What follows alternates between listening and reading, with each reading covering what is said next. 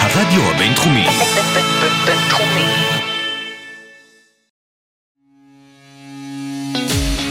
החממה. עסקים, יזמות וניצול הזדמנויות בגיל צעיר. עם רויאלי שמעון ואיתי עמרן. כולנו שמענו על מישהו שפתאום הצליח וענק בגיל צעיר וחשבנו לעצמנו מה הוא יודע שאני לא. בפודקאסט החממה נחשוף אתכם לאנשים שידעו איך לנצל הזדמנויות שייתנו לכם מקפצה לעבר החלומות שלכם. איך יזמים, כמונו, שאין להם בהכרח מימון הון עצמי, שרוצים להצליח בגדול בגיל צעיר, איך אנחנו נדע לנצל הזדמנויות בדרך שתיתן למוצרים שלנו, שירותים והדברים שאנחנו מאמינים בהם לצאת אל העולם. וכל זה שעוד יש דרך ארוכה לפנינו. זאת השאלה, והפוד... והפודקאסט הזה ייתן לנו את התשובה. אנחנו, רויאל ואיתי, ובתוכניות הבאות נארח את המשפיעים שעשו את זה לפני כולם. שלום רויאל. שלום איתי, מה נשמע? הכל בסדר. טוב, אז האורח הבא שלנו הוא רק בן 19, וכבר הספיק לייעץ לחברות בינלאומיות בתחום השיווק הדיגיטלי. בגיל 16 כבר פתח משרד פרסום, בגיל 17 המשרד הספיק לצמוח לחברה בע"מ, שבבעלותה חמישה מותגי e-commerce ועוד שלושה עסקים בחו"ל. עד היום שירת כמעל 100 לקוחות בארץ ובחו"ל, ומעל 30 מיליון ש"ח תקציבי מדיה שנוהלו על ידו. שלום תומר, מה נשמע? שלום רויאל, שלום איתי. כיף לנו שאתה פה, ואני חייבת להתחיל באנקדוטה מאוד מעניינת. לפני שנכנסנו לאולפן, עצר אותך בחור ואמר, אני ממש מעריך את התוכן שלך, ובא ואפילו ביקש עזרה עם העסק הפרטי שלו. קורה לך ברגיל שעוצרים אותך ככה? אה, עדיין לא. עכשיו זה התחיל, זה מצחיק את האמת, כי אני, אני, אני, שוב, אני אומר, אני מוכר בקהילות סגורות, עדיין לא יצא לי לראות, ויצא לי במיטינגס, ויצא לי פעם אחת אולי שבאמת עצרו אותי ברחוב. אני גם שומע מחברים שלי שמדברים על השם שלי, אבל עדיין לא יצא לי שעוצרים אותי, ועוד במקום הזה, שזה הכי מצחיק, עוצרים אותי ממש, והבן אדם, אני מת על הפוסטים שלך, זה עדיין לא יצא לי. אז אה, נגיד ונאמר שתומר אה, חזק מאוד גם, גם באינסטגרם, גם בפייסבוק, הוא מעלה המון תוכן והמון אה, אינפורמציה בעצם על תחום הדיגיטל, ולכן הוא מאוד מוכר בקהילה הזו. ואנחנו ניכנס קצת להיסטוריה של הדברים, ובאמת איך, איך, איך הכל התחיל.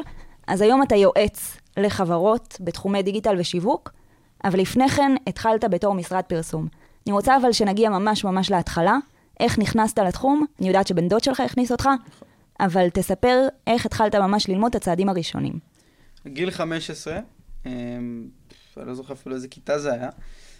אני תמיד הייתי ילד שלא כל כך לומד במסגרות, לא מוצא את עצמו, אוהב מאוד את המחשב.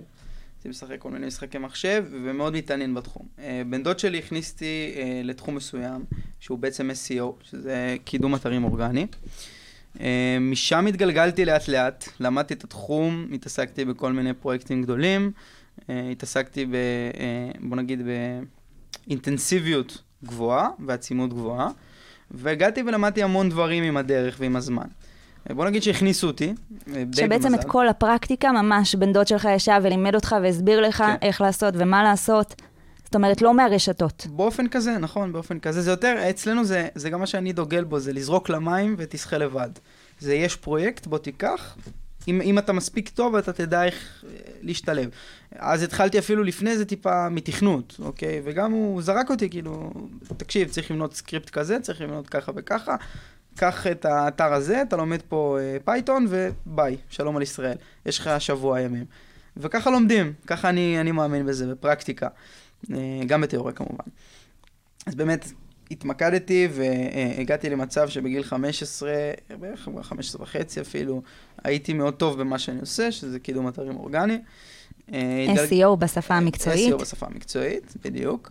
והתגלגלתי עם הזמן ונכנסתי לעוד תחומים ועוד תחומים ועוד תחומים ועוד פרויקטים, אה, ובאמת בגיל 16 הגעתי למצב שאני מרים משרד פרסום קטן שמתעסק עם לקוחות קטנים, כל הלקוחות uh, בסגנון של מאפרות, קוסמטיקאיות, ספרים, כל העסקים הקטנים שנמצאים, חנויות כאלה פיזיות קטנות. אה, זאת אומרת, אתה מציע את השירות שלך לעסקים קטנים פה בישראל, ואומר להם, בואו, אני אדאג לכם לזה שיכירו אתכם בדיגיטל, שזה אומר עמודי פי, פייסבוק, אינסטגרם, כן? תקן אותי. הצ... אז בעצם הצעתי, כן, את, את כל ה... ה, ה, ה בוא נגיד, את כל התיחום הזה. היום כאילו זה בעולמות האלה זה נפרד, יש סושיאל מדיה, שזה כל הניהול של הנראות החיצונית, אוקיי? זה כמו אדריכלים בסוף, אוקיי? אדריכלים של... לעשות עמוד אינסטגרם יפה, שהכל יהיה ויזואלית מאוד, אה, מאוד נעים. נכון, ויש את הצד השני שהוא קמפיינים, שזה שונה.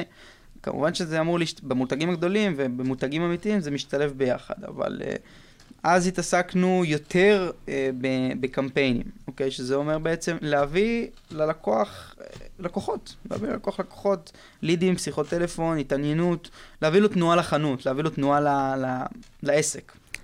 ובאמת אז הרגשת שאתה עוזר לאותם עסקים ומצליח להביא אותם למקום שהם ממוצבים יותר טוב, שהם מגיעים אליהם יותר לקוחות? חד משמעית, יש עסקים שאנחנו היינו אחראים בסופו של יום לגידול שלהם, אוקיי? אה, לקוחה שלי שהתחילה אה, סתם בקליניקה מאוד אה, פשוטה, אחת, הגיעה למצב שהיא פתחה עוד סניף, והייתה באמת עמוסה עם לקוחות, מן הסתם.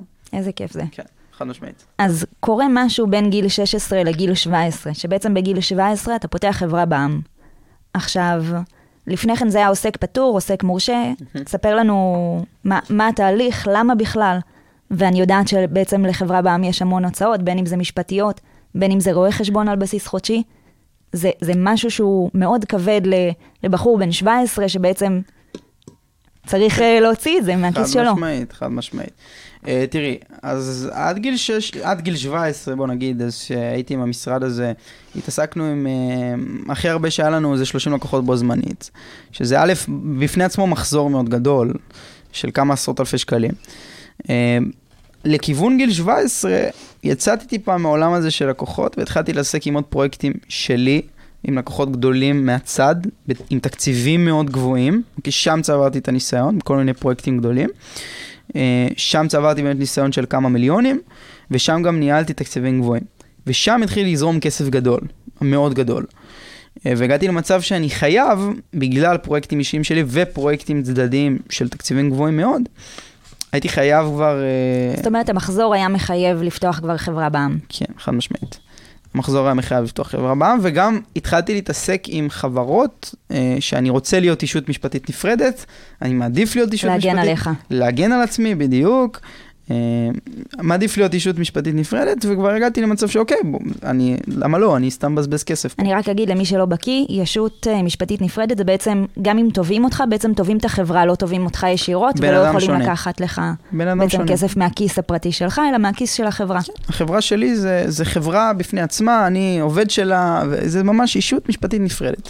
עכשיו, אתה אומר, אתה דיברת כרגע בלשון רבים, אנחנו. באיזה שלב נכנס העובד הראשון? בגיל 16. אה, אז במשרד הפרסום הקטן, נכנס, אה, החזקנו ארבעה עובדים בסופו של יום, אה, ותפעלנו ותחזקנו את הכל. והיום אני מורכב עם צוותים, היום אני מאמין מאוד גם ב... לא, לאו דווקא בעובדים עובדים, אלא ב, בוא נקרא לזה שותפים קטנים, אוקיי? שותף תפעולי בכל מקום. בכל, אני היום מתיימר גם, אני, יש לי עסקים באמת מנישה א' עד נישה ת', אוקיי? יש לי בכל מקום מנהל אופרציה, זאת אומרת מישהו שבקיא בתחומו בכל מקום, ואני מנהל דברים מלמעלה בסופו של יום, כי חשוב היום אה, שותפים, כי ככה אני מאמין בזה לפחות. האנשים הכי טובים בסוף הם אלה ש... אה, אה, זה לא, זה לא צורת תגמול, זה פשוט אלה שמרגישים באמת שייכים לחברה שלך, שייכים, שייכים ברמה כזאת או אחרת ורעבים להצלחה שלהם. שיש להם אינטרס יש בהצלחה להם הזו. אינטרס, חד משמעית. מעניין אותי לשאול, האנשים הראשונים שגייסת, זה היה אנשים עם ניסיון, אנשים שעזרת להם להתקדם לאורך הדרך, כי בסופו של דבר אתה בת צעיר או לא צעיר, יכול להיות שלקחת אנשים כמוך, אמרת, אני רואה לך פוטנציאל, והקפת אותך סביב, כאילו, מי היו בעצם העובדים הראשונים? תראה, זה היה... הייתי עובד גם עם המון פרילנסרים. ארבעה זה כאילו, ארבעה מוגדר כארבעה שבאמת עבדו נונסטופ. אבל הייתי גם עובד המון עם פרילנסרים, המון עם פרילנסרים. ואלה שכן היו עובדים אצלי הרבה, זה, זה מכל הקצוות. אה, אני יכול להגיד לך שהיה לי חבר'ה עם ניסיון, שהרבה יותר גדולים ממני. גם עב, עבודה, עבודה עצמית, אני בגיל 16... הייתי חי עם אנשים בני 30, לא, היית, לא הייתי מתקרב כמעט לגיל שלי, כאילו. כי גם לא הייתי במסגרת הלימודית, וגם הייתי ממש חי עם אנשי עסקים, הייתי חי בפגישות עם חבר'ה בני 30, 40, 50. זה עזר לך להקיף את עצמך באנשים כאלה, אתה חושב? כן, זה ביגר אותי? מאוד. זה ביגר אותי מאוד. אה, כי אתה, אתה חי, בז... הסביבה שלך זה מה שאתה הופך להיות. כשאתה חי בסביבה אינטנסיבית של בני 30, 40, 50 שמדברים על XYZ, וחי את העסקים, אז אתה, אתה, אין מה לעשות, אתה חייב להתבגר. יש חייב. בזה משהו מאוד מעניין. אתמול ראיתי אה, הרצאה של TED, שבדיוק מספרת על זה, שאנשים שיקיפו אותם, אה, באנ- באנשים שבעצם הם רוצים להיות כמוהם, יהפכו בסופו של דבר להיות כמוהם. זאת אומרת, אם אתה חולם להיות משהו, תקיף את עצמך באותם אנשים שאתה שואף להגיע אליהם, שואף להיות כמוהם, ובסופו של דבר אתה תהיה דומה להם באיזשהו שלב, וזה טיפ שאני ממליצה באמת לכל יזם, תקיף את עצמך באנשים כאלה, ואם קשה לך ליצור מעגל חברתי כזה, תלך לסדנאות מסוימות. תלך לקורסים לעבוד, מיוחדים. תלך נכון, לעבוד, אפשר למצוא חברים גם ב- ב- בעבודות, זה לא, זה בסדר גמור. נכון. מה שאת אומרת זה נכון מאוד, זה בסופו של דבר mindset, אוקיי? זה התודעה של הבן אדם, שאתה קם בבוקר לחיות בסביבה מסוימת שהיא מצליחה, אתה גם תצליח, אין מה לעשות, וגם כמובן הקשרים שלהם יעזרו לך, ואין מה לעשות, זה מטפח. ואנחנו רואים גם אה, אנשים שנשארים ב... במקומות לא טובים, בסביבה לא טובה, גם מדורדרים בסופו של דבר, להיות לגמרי. חלק מהם. כן, אני חושב שבאמת מה שוואל אמרה, מעבר לשאתה הולך לסדנאות, או לכל מיני master class ים או קורסים אונליין, שגם לתומר יש כזה, אנשים כל הזמן חושבים על הפרקטיקה ומה יוצא להם ברמה הלימודית, אבל ה community, אה, אני יכול להגיד מניסיון אישי, זה אחד הדברים שהם priceless, אז אה, זה מומלץ אה, בכל אופן. טוב, תומר, בוא נדבר על הלקוח הראשון, המש- הלקוח הראשון שלך. מי היה, איך הגעת אליו, פלא אוזן, משפחה, חברים, איך חוזרים שיווקת את עצמך. למשרד פרסום. חזרנו כן, למשרד פרסום, גמור. כן. אה, אז הלקוח הראשון שלי התגייס מפלא אוזן. שאר לקוחות אני יכול להגיד שהתגייסו חלק מקמפיינים שלנו עצמי של המשרד, אוקיי? קמפיינים גם ברחבי הדיגיטל של לגייס לקוחות, והמון המון עבודה סיזיפית. טלמרקטינג, כאילו, שיחות טלפון. אני זוכר שהייתי כאילו, הייתי הולך אה, ברחוב בגבעתיים, ונכנס לחנויות, אה, בסביבה של הבית שלי, ונכנס לחנויות. וילד חמוד קטן בן 16, אז גם הייתי, הייתי נראה מצחיק קצת יותר. הייתי מדבר גם, הקול שלי היה יותר אה, אה, לא גבוה, התחלף. עוד לא התחלף. ואני מגיע, וכאילו, ילד בן 16 בא אליי, כאילו, אם הייתי בעל עסק וילד בן 16 היה בא אליי, פתח לי, בוא נפתח לך קמפיין וזה, אתה רוצה עוד לקוחות? והייתי חוצפן, הייתי מאוד חוצפן. אני חושב שאחד, באמת, זה שבכלל הצלחתי, זה שהייתי מאוד חוצפן. מאוד. ברמה של, הייתי יכול לשבת עם בן אדם בן 50, שיש לו חברה ששווה מיליונים, לשבת רגל על רגל וכאילו להגיד לו, תקשיב, אנחנו נעשה לך משהו שאתה לא תראה בחיים שלך בשיא החוצפה. אולי זה גם מה שהרים בסופו של דבר את זה העסק. הדבר היחידי שהרים את העסק. וגם החוצפה הזאת גם עם העסקים הקטנים, שהייתי בא לחנויות ונכנס בדלת וכאילו, בוא, אנחנו נעשה לך קמפיין בחיוך ככה, ילד בן 16 בא אליך, זה, זה מצחיק וזה, יש בזה משהו.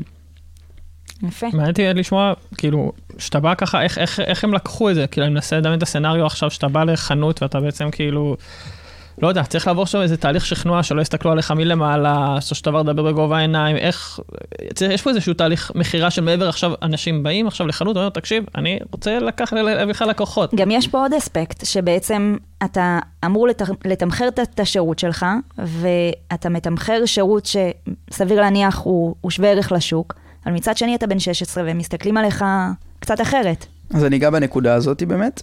אני יכול לפצל את זה לשני סוגי לקוחות בסופו של יום. היה סוג לקוחות אחד שלא הסתכל על הגיל שלי, אוקיי? ואולי במידה קטנה בתודעה שלו זה נכנס וחלחל וזה גרם לו אה, אה, לעשות דברים מסוימים בגלל הגיל. והיה סוג לקוחות שכן הסתכל על הגיל שלי, וגם הוא מתפצל. היה שם חלק מהלקוחות, ש... היה חלק, לא לקוחות, חלק שפסלו ישר על הגיל, אוקיי? היה חלק שלא פסלו, לקחו, זאת אומרת, היינו עובדים איתם, וזלזלו, אוקיי? זלזלו, וזה, אני אגיד, אני אגיד משהו על תחום השיווק והפרסום, זה תחום שהמון מזלזלים בו, המון, גם הלקוחות הגדולים, שלא תטעו אפילו יותר, הלקוחות הגדולים הרבה יותר מזלזלים. גם מבחינת תקציבים, גם מבחינת תעשה לי, וזה כאילו יכול להיות ששולחים לך בריף יום לפני ואני צריך להוציא עיצוב. כך, בככה, באותה מסגרת תקציב, בלי לבק... זלזול כזה, וזה בכללי בתחום, אבל במיוחד שאתה בן 16, וכאילו, אנחנו עושים לך טובה. אה, די, עם הזמן די למדתי איך למקם לקוחות, ב, ב, כאילו בואו פרופורציות. להעמיד אותם כזאת. במקום בעצם. בדיוק, חד משמעית, להעמיד אותם במקום. כי שוב, בסופו של דבר אני ספק, אני נותן שירות, אני מצפה לתת אה, לא רק את התגמול הכספי, התגמול הכ- הכספי זה לא רק, אלא התגמול הבין אישי. אז באמת, היה לקוחות שקיבלו את זה, היה לקוחות שהרימו גבה, היה לקוחות שגם הרימו גבה והתחלנו לעבוד והם ראו את הכמויות של התוצאות והורידו את הגבה חזרה. זה התחלק באמת. הרגשת שבגלל הגיל אבל אתה צריך להביא תוצאות שהן יותר טובות אני צריך מאשר מישהו להוכיח את אחר? עצמי יותר, חד משמעית. כן.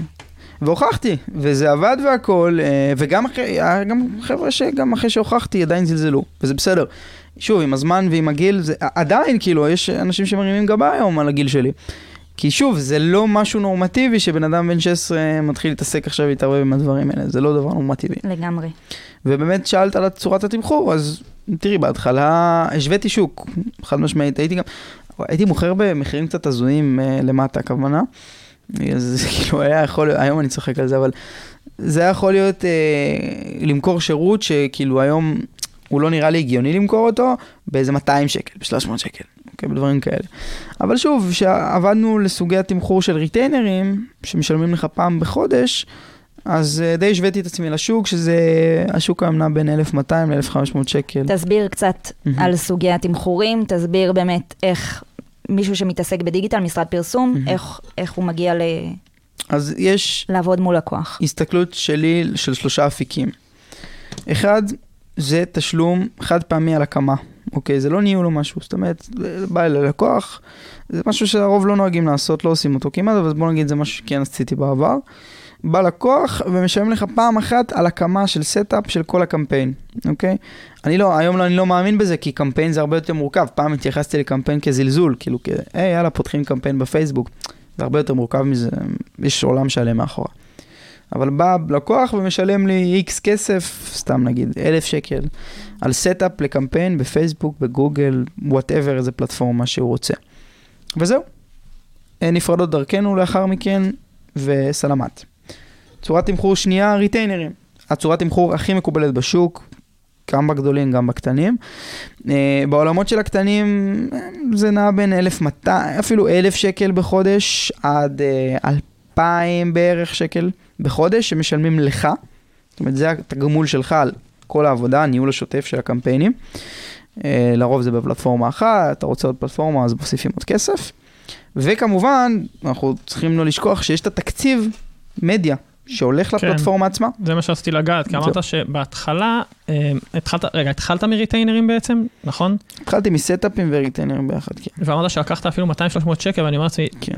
נכון שעבר איזה שנה, שנה, שנתיים, אבל בהתחשב לעלויות של שיווק, זה כאילו כמעט ולא היה לך- לא- לא רווחים. בוא נגיד שזו הייתה תקופת זמן מאוד מצומצמת של חודש-חודשיים, אבל כן, זה לא, לא היה רווחים בהתחלה. כאילו, שוב, לא חיפ... אני למדתי את זה, כי לא הייתי עובד עם לקוחות, הייתי רגיל לעבוד על פרויקטים משלי, או פרויקטים אה, שאני מקבל אחוזים בהם. זה, זה, ככה התרגלתי בהתחלה, ופתאום אני יוצא לעולם של שוק, כאילו, שוק כזה, ואני מנסה למצוא את עצמי. אז בוא נגיד שהתקופה הזאת של 200-300 שקל היה חודש אחד, זה זה. בסדר, צריך זה לסבור בסדר. לקוחות. חד משמעית. כאילו, זה משהו זה לא מאוד חשוב. זה מעבר, זה פשוט שלא ידעתי איך אתה... לא לא ידעתי יודע. בכלל איך לגשת, לא רק צורת תמחור, צורת דיבור, זאת אומרת, למכור מוצר, ניהול קמפיינים, זה לא, זה לא מוצר, לא מכרתי מוצר, אז מכרתי איזה טייטל, אוקיי? כן. וזה לא ככה, זה הרבה יותר מורכב. אבל באמת שעברתי ל- לתיחום הריטיינרים, שזה מה שמקובל היום בשוק, אז דברים התחילו להסתדר טיפה, למדתי את הצורת תמחור, וזאת הצורת תמחור היום שנהוגה. אז אוקיי, אני רק רוצה שנייה לעשות איזה סיכום, שמי שמקשיב לנו, שיוכל כן לקחת איזה אה, צעד קדימה לפרקטיקה, זה בעצם אומר שהיית לוקח אה, טיינרים בהתחלה בין 1,000-2,000 שקל, אה, והיית ניגש ממש ללקוחות, מציע להם להביא להם לקוחות חדשים לעסק. בוא ניגש שנייה איך בדיוק עשית את זה, אמרנו גוגל, SEO, ואני מאמין שזה היה יותר בעולם של הממומן, תקן אותי אם אני טועה.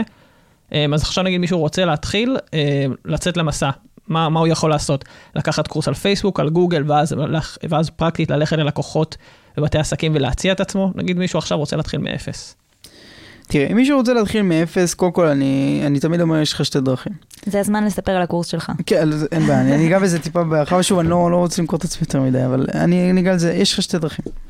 אחד, ללכת וללמוד הכל לבד באינטרנט, זה בסדר גמור. אני למדתי הכל מהאינטרנט בסופו של יום, פשוט בפרקטיקה.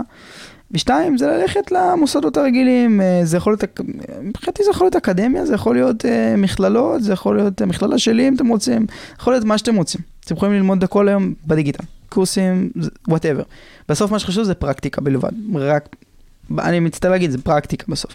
תיאוריה אפשר לחפור הרבה, אם אתם לא מתכוונים ללכת לתפקיד ניהולי, אה, תפקיד אסטרטגי יותר, אלא אתם מתכוונים להיות מנהלי קמפיינים או משהו בסגנון שמתעסקים עם מספרים בפלטפורמות פרסום.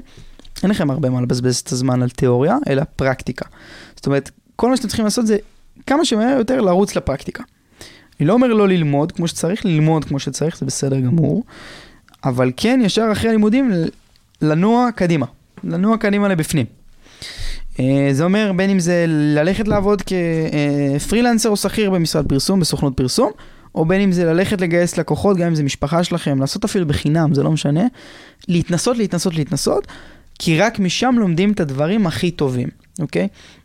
סתם לדוגמה, היום במכללה שלנו, אה, במכללה שלי, יש תוכנית הכשרה מסוימת שהיא קוראים לה PPC Master, זאת אומרת, היא מלמדת את, ה, את המתודולוגיה שאני יצרתי לניהול קמפיינים בתקציבים גבוהים. אוקיי? זה משהו שאין הרבה, אין, אין עליו... אה, זה, זה יתרון משמעותי שאין אותו. זה, זה בוא נגיד תוכנית הכשרה יחידה.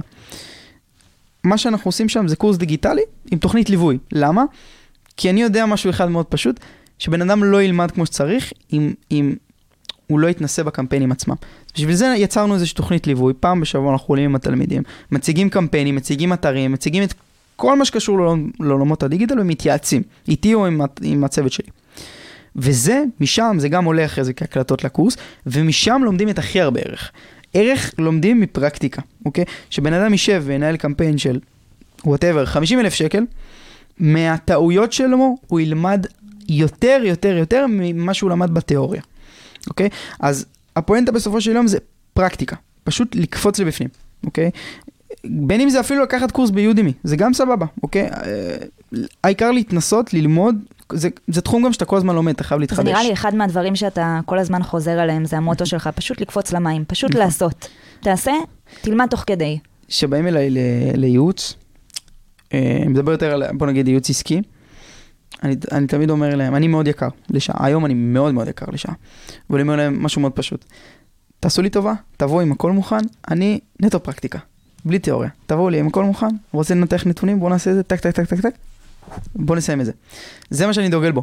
אני מאוד מאמין בתיאוריה, כן, היום אני הולך אחורה, אני הולך לכיוון של פסיכולוגיה צרכנית, הבנה של קמפיינים מאחורה, דברים גדולים יותר, מאמין מאוד בתיאוריה, אבל אם אנחנו מדברים ספציפית על שיווק דיגיטלי ולהתעסקות עם מספרים, התעסקות עם קמפיינים, אתה חייב פרקטיקה, אתה חייב כל היום לשבת מול אקסלים, להבין ניתוח מסקנות, ניתוח נתונים, ולעבוד, לעבוד, לעבוד, לעבוד, לעבוד, אחרת אין מה לעשות, כאילו יש... אני חוזרת לנושא נוסף שככה התחלנו לדבר עליו מקודם ב- לגבי התמחור. נכון. יושבים פה אנשים שמקשיבים לנו ו- ותוהים אם בכלל לגשת לתחום הזה, יכול להיות שזה תחום אה, שהם התחילו בו בצורה צדדית, יכול להיות שהם ייקחו את זה בעצם ב- בצורה אה, מלאה, אבל אני מנסה להבין עם, ה- עם התשלום, עם הריטיינר שאתה עובד איתו, אם יש כלל אצבע מסוים לגבי התקציבי שיווק, ואם גוזרים מזה... כן. אז תסביר קצת אני איך אסביר. זה עובד, ובאמת שיבינו איך מתמחרים לא- ב- בתחום הזה. עם לקוחות קטנים, נהוג מאוד להגיד להם, אה, לא, לקוחות קטנים אין להם הרבה כסף בסוף, הם לא רוצים, זה גם מאוד קשה לאנשים, אולי בשנת הקורונה זה קצת השתנה, אבל מאוד קשה לבעלי עסקים, במיוחד הקטנים, להוציא כסף על פרסום, כי הם לא מאמינים עדיין בדיגיטל, זה, זה בסדר, זה עוד מעט נכון. ישתנה. כמה שנים. הקורונה אגב העצימה את זה, זה בסדר, הרבה יותר מאמינים, בוא נגיד ככה, כי הם היו חייבים. אה, העסקים הקטנים לא אוהב להתווכח, כאילו לא אהבתי להתווכח איתם. אה, זה נע בתקציב שהולך לפלטפורמות של 1,000 2,000 שקל בחודש, ואפשר להביא עם זה אחלה תוצאות, במיוחד שהן קוסמטיקאיות או מאפות או whatever. אבל נגיד יש תחומים שאני אומר, אוקיי, סתם, בוא ניקח נגיד פלסטיקה, אוקיי, ניתוח, ניתוחים פלסטיים, דוקטורים. אני בתחום הזה, אני היום בכלל, אני כאילו לא, כמעט לא אתעסק עם זה, ב, אם זה לא תקציב גדול, אבל סתם נגיד. גם אם אתה אה, קטן, כאילו מתעסק עם לקוח קטן שהוא מנתח פלסטי, אתה יודע שאם אתה לא תקציב של מינימום 5,000 שקל, אתה לא תביא הרבה תוצאות. למה? כי יש תחומים מסוימים שיש בהם תחרות גבוהה, ותחרות גבוהה מובילה למחירים גבוהים. זאת אומרת, מחיר פר ליד גבוה, מחיר פר חשיפה גבוהה, מחיר פר קליק גבוה. כל זה, מה שבסוף מביא להם את התוצאות, עולה יותר יקר. אז יש תחומים כאלה. עוד נגיד תחומים, אה, כל מה שהוא 24 שעות, אה, כאילו צריכים אותו עכשיו, חשמלאי, אינסטלטור, כל אלה, זה כאילו, אם אין לך תקציב פה של 5,000, 6,000, כי 10,000, כל קליק הוא בעצם מאוד, מאוד יקר. כל קליק או כל פר, חשיפ, פר אלף חשיפות הוא יותר יקר. אז יש אוקיי. תחומים מסוימים שאתה יכול לפרסם בכיף שלך ואתה אתה יודע שאתה תביא לידים בזול. אבל האם יש קשר בין הריטיינר שאתה לוקח לבין היוקר, לבין התקציב שיווק לא. של החברה? אין קשר. לא, תראי, היום רוב המשרדים עובדים בצורה של אחוז מסוים מתקציב המדיה על בסיס של סכום מסוים, אוקיי? זאת אומרת, נגיד, עשרה אחוז מתקציב המדיה על בסיס של אוקיי. 1,500 שקל. זאת אומרת, אוקיי. הגבוה מבין השניים. זאת אומרת שככל שעולים בתקציב, פתאום הריטיינר יותר מתחיל להתעצם, כי זה מאוד שונה לנהל 1,000 שקל ו-100,000 שקל. נכון, זה שונה לגמרי. לחלוטין. אז לרוב לוקחים איזשהו אחוז ועל בסיס X אה, ריטיינר. אבל בלקוחות הקטנים, בואי נדבר תכלס, הריטיינר נשאר אותו ריטיינר. כן, אגב, אני רק רוצה באמת לעשות איזשהו סדר. אז באמת, מה שתומר אומר זה שאתה מתחיל לקוחות קטנים, לוקח להם ריטיינר, ואז ככל שאתה מתמקצע ואתה מבין יותר איך עובד performance, ואיך בעצם אתה יכול, אה, בעזרת הידע שלך, להגדיל את התקציבים, אתה יכול לעבור ללקוחות יותר גדולים, שאצלם, ככל שאתה משפר את התוצאות, אתה מקבל יותר כסף. ואז אתה נמדד לפי ההצלחה שלך, אה, שאני חושב שזה יתרון מאוד גדול, וזה גם אחד היתרונות שיש בדיגיטל, אז זה משהו שהיה חשוב לי להגיד. אה, ועוד משהו שרציתי להגיד, קודם תומר נגע בנושא של ליווי אה, שהם עושים במחאה שלהם. באמת לא ניסיון למכור את המכללה, פשוט כן. uh, רציתי להגיד את החשיבות של ליווי באופן כללי, כי באמת יש הרבה תיאוריה בחוץ, אבל ברגע שמישהו מלווה אותך, זה, זה לא מובן מאליו, וזה באמת עוזר לך לקחת את הדברים צעד קדימה, אז עוד נקודה שהיה לי חשוב לחדד, שתומר אמר. כן, טוב, בוא נמשיך. Um, אני ככה. חוזרת לניהול עובדים. תחזרי איתי. אמ, בגיל 16 יוצא שאתה מנהל בעצם כן. עובדים. אני אספר קצת אה, מהניסיון שלי. אני בגיל 21 פתחתי את העסק הראשון שלי, עסק לשיווק ומכירה של חליטות, של תה. וניהלתי עובדים, וחלק מהם היו גם קצת יותר גדולים ממני, חלק גם יותר קטנים, אה, אבל לי היה קצת קושי בעצם גם לתת מרות לעובדים שהיו קצת יותר גדולים ממני, וגם הייתי מרגישה לא נוח לא לקבל נגיד מישהו שבא לראיון עבודה, אני הייתי מראיינת אותו, לא לקבל מישהו שהוא יותר גדול. אני רוצה לשמוע קצת מההתנהלות שלך, איך זה בעצם לנהל עובדים, שאתה בן 16, זה הרבה יותר צעיר מגיל 21 וזה הרבה יותר שונה וקיצוני, ואיך עושים את זה בצורה מקצועית, איך עושים את זה בצורה נכונה, שבכל זאת אתה משמר את העובד, ומצליח להוציא ממנו בעצם את התפוקה הכי טובה. אז תראי, בניהול עובדים אה, יש כמה כללים שאני מאמין בהם ומתיימר אליהם. א', עובד צריך להרגיש שהוא משפחה שלך. אוקיי? העובד צריך לה, להרגיש שהוא עובד במוסד, שהוא באמת עובד בו בשביל להצליח, ולא בשביל אה, בא לי את המשכורת בעשירי, אוקיי? או בא לי את הכסף שלי. אם הוא מרגיש והוא בא רק בשביל אה, לסמן כרטיס אה, ולחזור הביתה, הוא לא עובד אידיאלי בעיניי. הוא יכול להיות מאוד תפוקתי, אבל בתוך ארגון הוא יכול להיות גם מאוד מזיק. אוקיי? באופן זלזולי, גם אם הוא לא שם לב לזה במודע. אה, זה, זה רבד אחד שאני מאוד נהוג להתעסק איתו, אה, ואפשר להתעסק איתו גם בצורת התגמול, זאת אומרת לעבוד בצורת תגמול שבאמת תעזור לבן אדם ולעובד, וגם בצורת ההרגשה הביתית, זאת אומרת שירגיש שהוא חלק מתוך ארגון, אוקיי? כי אה, צריך איך להבין. איך עושים את זה? איך עושים את זה? אה, תראי, בצורת התגמול אני מאוד אוהב לעבוד, שוב, זה תלוי באיזה תפקידים, כן? יש תפקידים שאתה כאילו... משכורת וביי. ויש תפקידים שכאילו, אם הוא מנהל לי באמת אופרציה טובה והוא סוג של שותף, אז גם לתגמול באחוזים, תגמול במכירות, תגמול בלקוחות, תגמול פר... אה, המון, המון, אה, המון, מה שייתן לו רעב להצליח יותר. כמו שאנשי מכירות עובדים היום עם אחוזים, ויש להם את הרעב הכי גדול בסופו של יום, כי הם יכולים נכון. לסיים עם משכורת של 40 אלף שקל בחודש. אז גם לתת רע, רעב לעובד שלך. אז בעצם הדרך שלך הייתה להפוך את העובדים שלך כביכול לשותפים, ולא כעובדים, שלא ירגישו בעצם את כן, הפער הזה? תראי, סתם לדוגמה, עובדת שהייתה בת 21, אה, אוקיי? והיא הייתה מנהלת אה, עמודים אינסטגרם. אין מה כאילו לתגמל אותה הרבה. אבל כן הצלחתי למצוא איזשהו סיסטם כזה שעל כל לקוח מסוים, היא מקבלת את המשכורת בסיס שלה ועל כל לקוח מסוים היא מקבלת עוד תוספת קטנה של... אה, של בונוסים. בונוסים, כן, בונוסים כאלה ואחרים. אבל זה נגיד משהו שאין לך הרבה איפה לתגמל אותו, וזה בסדר גם, כי היא יודעת שהעבודה שלה יחסית פשוטה, הצורת התנהלות יחסית פשוטה והכל. אה, אז זה רבד אחד, תגמול. תג, תגמול והכרת ארגון, בוא נגיד את זה ככה. רובד שני ומאוד חשוב הוא system. חייב להיות system מאוד מסודר בעסק. וצורת תקשורת, התנהלות, תקשורת והכל. אה, אני בעיניי דוגל מאוד ב... אה, אני היום לא כל כך מאמין, הייתי עובד הרבה ב remote control. זאת אומרת, כאילו, תעבדו איפה שאתם רוצים, לא מעניין אותי, אתם יכולים לבוא מתי שאתם רוצים, היום אני לא מאמין בזה. גם שעברתי המון משרדי פרסום ועברתי המון עסקים בתור יועץ, ראיתי שיש הבדל מאוד משמעותי בין התנהלות פנים-ארגונית להתנהלות חוץ-ארגונית. זאת אומרת, פרילנסרים וספקים חיצוניים ו in-house. זה מאוד שונה, זה מאוד. אני חשבתי בעבר רק פרילנסרים, רק outsourcing. מה ההבדלים? ההבדלים זה מותג ועסק קטן, חד משמעית, אני, אני אומר את זה היום בחד משמעית. יש דברים שאפשר להוציא לספקים ואין בעיה, אבל יש דברים שהם פנים ארגונים והם חייבים להישאר פנים ארגונים. כי עובד שלא, שוב, זה קשור לרבד הראשון, אם הוא לא מרגיש חלק מהארגון, הוא תפוקתית לא יהיה יותר טוב, הוא, הוא, לא, הוא יוציא תוצרים פחות טובים. אז אני באמת מאמין באינאוס, אוקיי? אה, וזה אומר לדוגמה גם סיסטם כזה של, סתם לדוגמה, פעם בשבוע יודעים שיש פגישת צוות וכולם דנים ומדברים על הדברים ומה צריך לעשות והפקת לקחים. אני מאמין שבכל סוף יום צריך לעשות איזה סיכום יומי של מה היה היום, איפה נפלנו, אם היו דברים שנפלנו. פעם בשבוע גם לעשות הסקת מסקנות. פגישת צוות, זה, זה חלק מ vibe ארגוני, מ vibe של ארגון. אה, כל הדברים האלה זה סופר סופר חשוב. וגם רובד שלישי זה באמת, שוב, נגיעה ב system הזה, תקשורת. תקשורת, הטלת משימות, אה, כמו שצריך, אה, האצלת סמכויות, סופר חשוב. אני לא הייתי מגיע לאן שהייתי היום אם לא הייתי מאציל סמכויות על אנשים, כי ברגע שאני מאציל סמכויות, אני שם לי שקט נפשי מסוים ושקט אנרגטי, אה, כי אני יודע שיש מי שמתעסק לי כרגע במשהו גם אחד. אתה מעצים את מי שאתה בעצם. עובד איתו. מה שאתה. נותן, אתה נותן משמעות לאנשים שאתה עובד איתם, ובסופו של דבר, אנשים מחפשים משמעות. לא משנה מה הם עושים, הם מחפשים למה. למה אני עושה את זה. ו- וזה טכניקה שלמדת בפרקטיקה, אבל תדע שלומדים את זה גם באקדמיה, ו- ובאמת בכל מקום שככה מנהלים אה, בצורה מקצועית, זה, זה הדרך. נכון.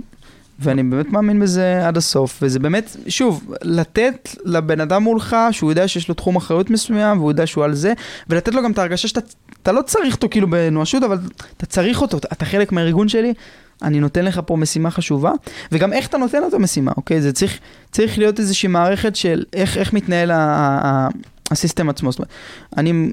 אני מכיר את כל המשרדי פרסום בארץ, ואני אני מכיר את כולם גם ברמה אישית. ובסופו של יום, יש משרדים, וזה, את יודעת מה, זה בכל עסק. יש חברות שהתקשורת הפנים-ארגונית היא בסלאק, שזה הרבה אצל מתכנתים וסטארט-אפים. מה זה סלאק? אפליקציה כזאת אה, של הודעות, כמו טלגרם כזה, אבל היא פנים-ארגונית. יש, אה, יש מקומות שהעבודה, גם עם הלקוחות וגם עם, עם הפנים-ארגונית, זה בוואטסאפ. אוקיי? יש לך חברות וסטארט-אפים כמו Monday והגדולות, שיש להם אשכרה קהילות פנים-ארגוניות. ממש קהילות פנים-ארגוניות, זאת אומרת, אה, פלטפורמות, כאילו ממש קבוצות, וואטסאפ, פייסבוק וכו'. יש גם חבר'ה שמתעסקים רק במייל, זאת אומרת, אה, העובד הזה לא מדבר עם העובד הזה, תשלח לי מייל בבקשה עם המשימה הזאת. המנהל צריך להוריד לו משימה, תשלח לו מייל בבקשה. כל אחד יש את ה system שלו. הפואנטה היא למצוא system, אוקיי? אתה לא יכול לנהל עובד שאתה יום אחד מתקשר אליו, יום שני שולח לו וואטסאפ, יום שלישי שולח לו מייל, והכל מבולגן. צריך להיות איזשהו system שעובד יודע בדיוק מה המשימה שלו, מה הלו"ז שלו, ומה הוא צריך לעשות, טה-טה-טה-טה, ואם יש שאלות הוא ידע למי לפנות. ליצור הרגלים. ליצור ארגון. זה לא רק, זה, זה ארגון, ככה, ככה נבנה ארגון. בן אדם יודע מה תחום האחריות שלו, בן אדם יודע מה הוא צריך לעשות, לבן אדם יש לראות מה הוא צריך לעשות, לו"ז מסודר ולמי לפנות, אוקיי, אם הוא צריך אה, להקטין ראש. אמ, אני רק רוצה לשאול משהו, אנחנו כבר מתקדמים ממש לבניית ארגון, אמ, כן. ממש אה, על הקמת חברה. בונים פה תאגידים. כן. כן, אבל כן רציתי לגעת בעניין של האצלת סמכויות, כי זה בעצם, אמ, בעולם של הדיגיטל, ובעצם זה עולם של grinding, כאילו, של כאילו שאתה הרבה hustling בעצמך, hustling מה שנקרא בעצמך, ואתה לומד הכל בבשרך, ל- לעבור במקום הזה שאתה רגיל לקרוע את התחת, לעשות הכל על עצמך, לשבת על הקמפיינים, לשים את הדברים בידיים של מישהו אחר. אמ, איך זה מרגיש? כאילו, רק תיתן לנו בקט, בקטנה על זה, כי זה נראה לי, כן יש אני איזשהו טיפה עניין. אפילו ארחיב על זה, כי סבבה. זה אחת הבעיות שהיו לי, אוקיי, זה אחת הבעיות שלי. בתור בן אדם, אני מאוד טכנולוגי, מאוד טכנולוגי. כאילו לא ברמה על, אני לא איזה מפתח על, אני לא, כאילו, אני, אני איש של מחשב, אוקיי, אני יודע הכל, אני גם אוהב, בגלל שאני היום כיועץ מפקח על דברים, אז אני גם צריך לדעת מכל דבר קצת לפחות, בסיס מכל דבר. אז אחת הבעיות שהיו לי באמת אה, בגיל אה, 17-18, שזה כבר איבדתי את עצמי קצת, כי אני יודע מפה ומפה ומפה ומפה ומפה ומפה ומפה ומפה, פוקוס, צריך פוקוס. גם מבחינת המחשבה וגם מבחינת הניהול, כי אתה לא יכול לעשות את הכל ביחד, אתה לא יכול לעשות גם אה, לבד, גם ל- כל עבודה בפני עצמה, לנהל לקוחות, סזיפי לחלוטין. אה, לנהל עובדים, סזיפי לחלוטין. אה, לנהל קמפיינים, אה, כאילו כל דבר זה ממש אחריות בפני עצמה, כאילו.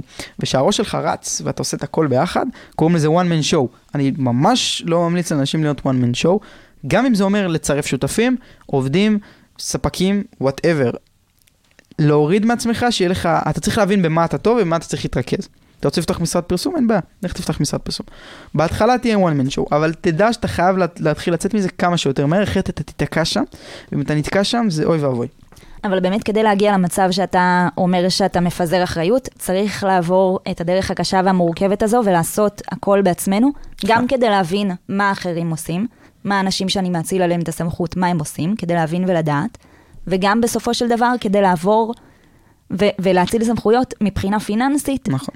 צריך בהתחלה לעשות הכל וגם וצריך ללמוד בשביל הכל. לדעת מה אתה רוצה לעשות. אני נכון, לא יודע, אני עד, נכון. עד היום, אני, אני, הנה, אני רק לפני חצי שנה, שנה, התחלתי להבין מה אני באמת רוצה לעשות, באמת, וזה משתנה כל הזמן, וזה בסדר. אתה צריך להתנסות. לגמרי. אז באמת, אה, אמרת שבתקופת הקורונה ככה הבנת על עצמך שאתה רוצה להתמקד בייעוץ ו- ולעבוד עם חברות גדולות ולתת להם באמת מענה הוליסטי, אה, ככה 360 אה, מעלות, בהיבט האסטרטגי, בהיבט של השיווק, בהיבט של הדיגיטל, ממש לתת להם את כל, ה- את כל החליפה, לתפור להם את נגיד את זה החליפה. במילים יפות, החלטתי לצאת מעולם של PPC, שזה pay per click, זאת אומרת, החלטתי לצאת מעולם של נתונים ומספרים, לעולם של פסיכולוגיה צרכן, לעולם של אה, קמפיינים, מסרים שיווקיים, דברים הרבה יותר מאחורה, בתיאוריה, בוא נגיד את זה ככה. ובעולם הזה, אני צריך, אני הולך כאילו לכיוון של קמפיינים גדולים, טלוויזיה, עניינים, טטטי טטטה, שם, אוקיי? יצאתי מעולמות ה performance, עברתי לעולמות ה un-performance. עכשיו אני רק רוצה לגעת בנקודה אחת, כי אני מרגיש שאנחנו ככה לקראת סיום. קודם, תומר דיבר איתנו על, אה, על זה שכל מקום שהוא מגיע אליו, קודם כל הוא נותן ערך, בין אם זה פוסטים בפייסבוק, או בין אם עכשיו הוא מתחיל לעבוד אה, עם משרדי פרסום, והוא מחליט להוריד את התמחור הרגיל שלו כדי אה, לתת להם ערך, ואז להתחיל לעבוד איתם. אה, אתה הגדרת את זה כהוק, כסוג של הוק, ואני חושב שזה כן. משהו שהוא מאוד קריטי לכל מי שמתחיל בתחילת הדרך, אז קצת תן לנו כן. בפרקטיקה הדבר הזה. בסופו של יום זה משיכה. אנחנו צריכים, צריך להבין משהו, כשאתה יושב מול בן אדם, אתה צריך לדעת מה הערך שאתה נותן לו, מה הערך שאתה נותן לך. זה תגמול, בסופו של יום. בין אם זה בכסף, בין אם זה בידע, היום יש לך משקיעים שאתה יודע, לוקחים את המשקיע רק בשביל הערך שהוא נותן לך, value שהוא מעבר לכסף. וזה הכל מעבר לכסף, זה אף פעם לא הכסף. זה לא האישו, אם באים לעשות כסף זה לא בשביל זה. אה, אז באמת כשאתה יושב מול בן אדם אתה צריך להבין מה התגמול שאתה יכול לתת לו. הרבה פעמים יש את העניין הזה של משיכה ראשונית. אה, סתם לדוגמה, אני עובד היום עם הרבה משרדי פרסום גדולים מאוד בארץ, על לקוחות מאוד גדולים מכל מיני קצוות. א', מכירים אותי מהקשרים שלי, שזה מאוד עזר לי, אבל כן, יש את ההוק הראשוני, זאת אומרת, בוא נגיד ההקרבה הראשונה שלי, בשביל להשיג משהו.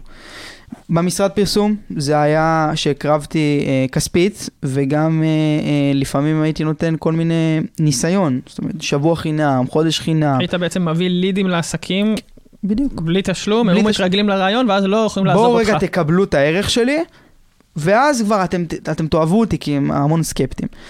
אה, משרדי פרסום, אני מוריד את התמחור שלי, אני לא לוקח הרבה כסף היום, כי אני עובד עם לקוחות מאוד גדולים, וזה עוזר לקייס סטאדים שלי.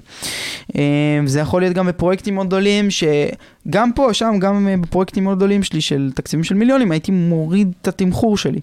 מוריד את התמחור שלי וגם נותן עוד ערך, זאת אומרת, אומר לו, גורם לו להבין שאני הולך להיות חלק מהארגון שלו, ואני אני הולך לתת לו הרבה דברים שהם מעבר לקמפיינים או מעבר לשיווק. אז זה באמת למשוך. חשוב, חשוב להגיד, כי פעם אנשים ראשונה. הרבה פעמים באינטואיציה הראשונית מחפשים לקחת ולא לתת, אה, ואני חושב שזו נקודה ממש חשובה. איפה נראה אותך בעוד שנה? בעוד שנה מהיום. כן. כל שנה אצלך היא כל שנה אצלי. אינטנסיבית, מאוד, אה, אה, ברמה שכאילו כל שלושה חודשים משהו משתנה, באמת, זה ככה. אני לא יודע איפה נהיה עוד שנה, אני יודע משהו אחד שאני יכול להגיד שתהיה עליי חותמת או קייס סטאדי מאוד מעניין, בוא נגיד את זה ככה. זה בחד משמעית, אני אומר את זה. יפה מאוד. ועוד חמש שנים איפה נראה, תומר? עוד חמש שנים, גם, אני לא, אני, אני, אתן- אני אתן לזה אפילו טיפה, אני לא מאמין, ב, אני כן מאמין מאוד ב, נגיד מטרות. יש המון אנשים שאתם יודעים, עושים מטרות יומיות, שבועיות, חודשיות, אני לא מאמין בזה. כי אני ממה שלמדתי, במיוחד בגיל שלי, במיוחד מה, מהשיגעון שלי, זה שדברים מתחלפים ואתה לא יודע מה יקרה. הנה, בבקשה, קורונה. מישהו ידע על זה? אנשים שינו מקצוע בככה.